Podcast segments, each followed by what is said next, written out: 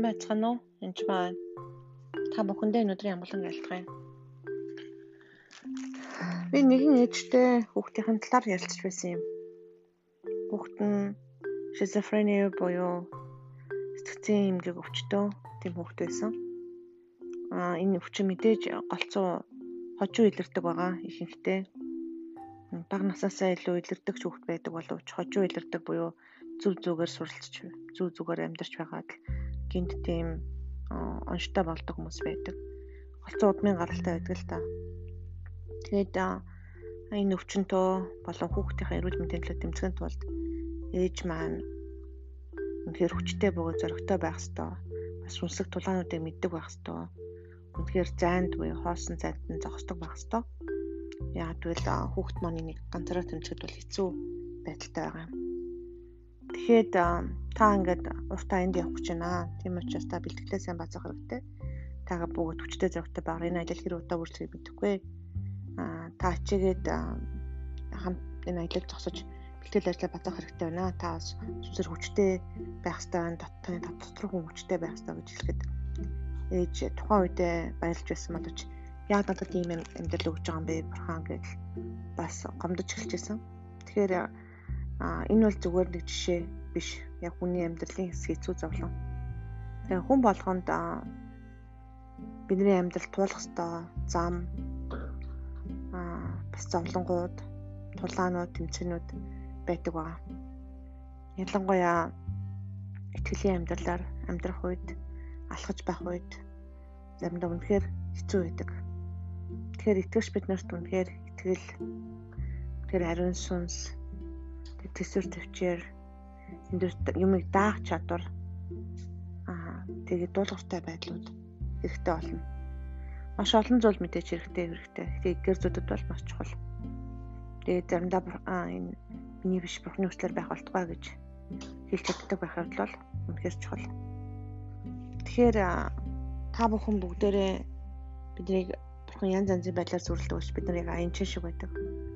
Аялалд явж байгаа та Иесустэй хамт аялалд март удаа март маш урт удаан аялалд явж байгаа шүү. Хэрв богинохон аялалд явбал зүнхтэй ачаатай явахд гайгүй. Урт удаан аялалд явах юм бол ачааны хэрэг ер нь л бага. Эсвэл бэлтгэл ажлаа сайн хангасан байх ёстой. Бага зүйлсээрээ уучруулад амьд зургастан байх ёстой гэсэн үг. Тэгээ энэ аялалд бол яг цагаатлах юм бол бас тийм муухай аялал биш. Бол та Иесустэй хамт явдаг аялал хэрэгцээтэй бүхнэр минь эзэн бурхан хангана. Тэгээд бэлэг авсудаар ч хангана Үнэхээр төсөв төвчээр хүч ариун сүнс бүх зүйлээр хангах боломжтой аялал.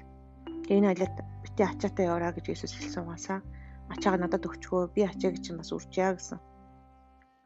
Тэгэхээр энэ тэмцээн энэ тэмцэл дундуур үнэхээр бурхантай хамт алхаж бурхны өмнө алхаж өнөр бурхны хүчийг болгон бурхны ариун сүнсийг мэдэж түүнтэй хамтарч ажиллаж сурахгүй бол энэ тэмцэл тийм сайн амархан бас юусоо биш.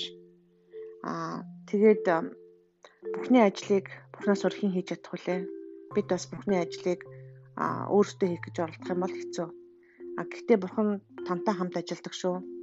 А Бурхан зүгээр л чи цаашаа байжээ би урдурч ороод бүх юм чи хийчихье гэдэг хүн биш. Тэгэхээр Бурхан хайртай учраас бидний ч гэсэн бас юм хийж сураасаа амьдралд бас янз бүрийн цохилд орж ихэд өөртөө босдог, өөртөө дайсантайгаа тэмцэлтдэг янз бүрийн үед үнэхээр хатуу чанга байгаасаа гэж үздэг. Яг л заримдаа бид нэг олимпийн тамирчин шиг бэлддэг. Заримдаа бид нар барилга шиг байдаг. Яг барилгыг барьж байгаа хүн шиг байдаг. Барилгачин шиг. Үнэхээр барилгын суурь Иесус Христ. За би танд нэгшилд уншиж өгье. 1-р Коринтын 3-ын 13-аас 14 15 гон бол. Тэгээд надад өгсөн Бурхны нэгүслийн дагуу би мэрэгэн барилгачин мэд суур тавьсан бөгөөд өөр нэгэн түүн дээр барьж байна. Тэгэхээр ингээ харах юм бол Пол суурь тавьсан. Суурь нь яг үндэ бурхан тавьсан.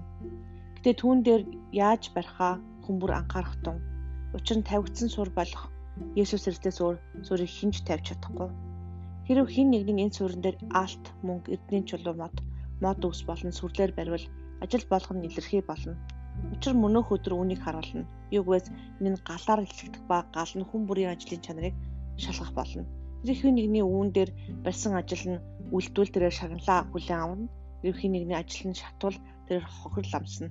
Тэр өөрөө гал дундуур гарсан мэт боловч аврагдана гэж хэлж байна. Тэгэхээр энэ бол бид нар бас барилгачин байхнаа. Бидний ажил бас яг шалгагддаг байна. Юугаар вэ гэхээр галаар шалгагддаг. Тэгэд бүгдээрээ Христ итгэж бүх ажилчид бүгд нийлж агаад нэг барилгыг барьж байгаа гэдэг юусаа мартаж болохгүй. Бид үнэхээр эвтэй байхад л үнэхээр чухал шүү. Христийн би нэгдмэл байх явдал чухал. Нэг нэг биетэй нэг сүнстэй та нар нэг Христийн би гэж хэлсэн. Тэрээс хоёр Христийн би юусаа биш. Маш олон итгэгч нар би тийм эргэтэн, би илэг бүр гар хөр бид нар тустай байх ёстой гэд ярьдаг. Яг үүндээ ерөөсдөөсөө тийм биш. Тустай байх юм бол би хүднэр хүч султана. Бид луута тэмцэж байгаа, сатанта тэмцэж байгаа гэдгийг ерөөсөө мартаж болохгүй. Тийм учраас бид нар эвтэй байвал нэгдмэл байвал илүү хүчтэй байх болно шүү. Тэгэхээр бидний амьдралд ямар ч зовлон, ямар ч тулаан байж магадгүй. Тэр ээчиг өр хүүхэд нь өвчтөе хүн байж болно.